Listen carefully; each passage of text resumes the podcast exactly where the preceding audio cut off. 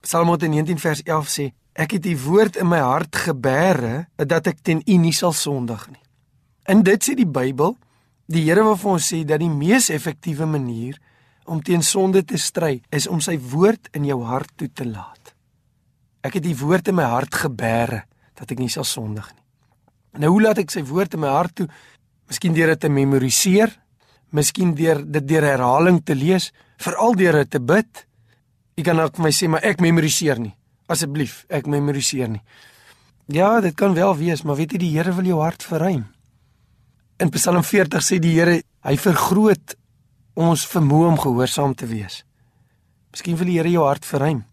'n Vriend van my vertel dat hulle by geleentheid in 'n baie geslote land Bybels moes inneem. En hulle het daar gekom met tussen 200 en 300 Bybels.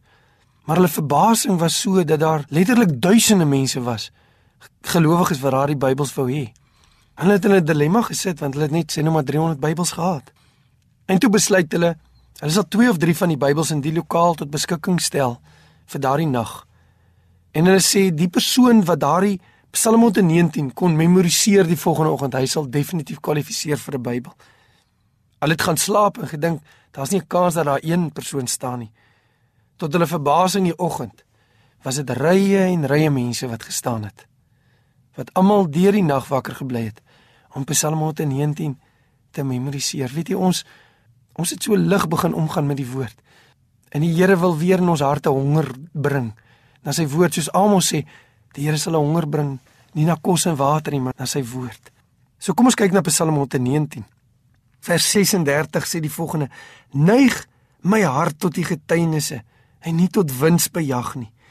Wend my oë af dat ek geen nietigheid sien nie. Maak my lewend in U weë. Die Bybel sê mense hart is geneig om na nietigheid te kyk. Watter nietigheid is jy mee besig? Is jou hele fokus winsbejag? Is jou hele fokus nietigheid? Het dit die tyd geword dat jy jou hart verruim? en toelaat dat die woord van die Here in jou hart kom nie. Bære sy woord in jou hart. Die Here sê dis die mees effektiewe manier om nie in sonde te val nie. Hierdie verse sluit ook af met die volgende woorde: Here, maak my lewend na u woord. Die gebed wat die Here die graagste wil beantwoord in jou lewe is as jy vir hom vra, Here, maak my lewend na u woord. Ek kan vanoggend vir u waarborg. As jy voor die Here staan en vandag die gebed neem, Here, maak my lewend na u woord sal die Here deur sy gees kom en u lewend maak na sy woord. Mag die Here u seën. Amen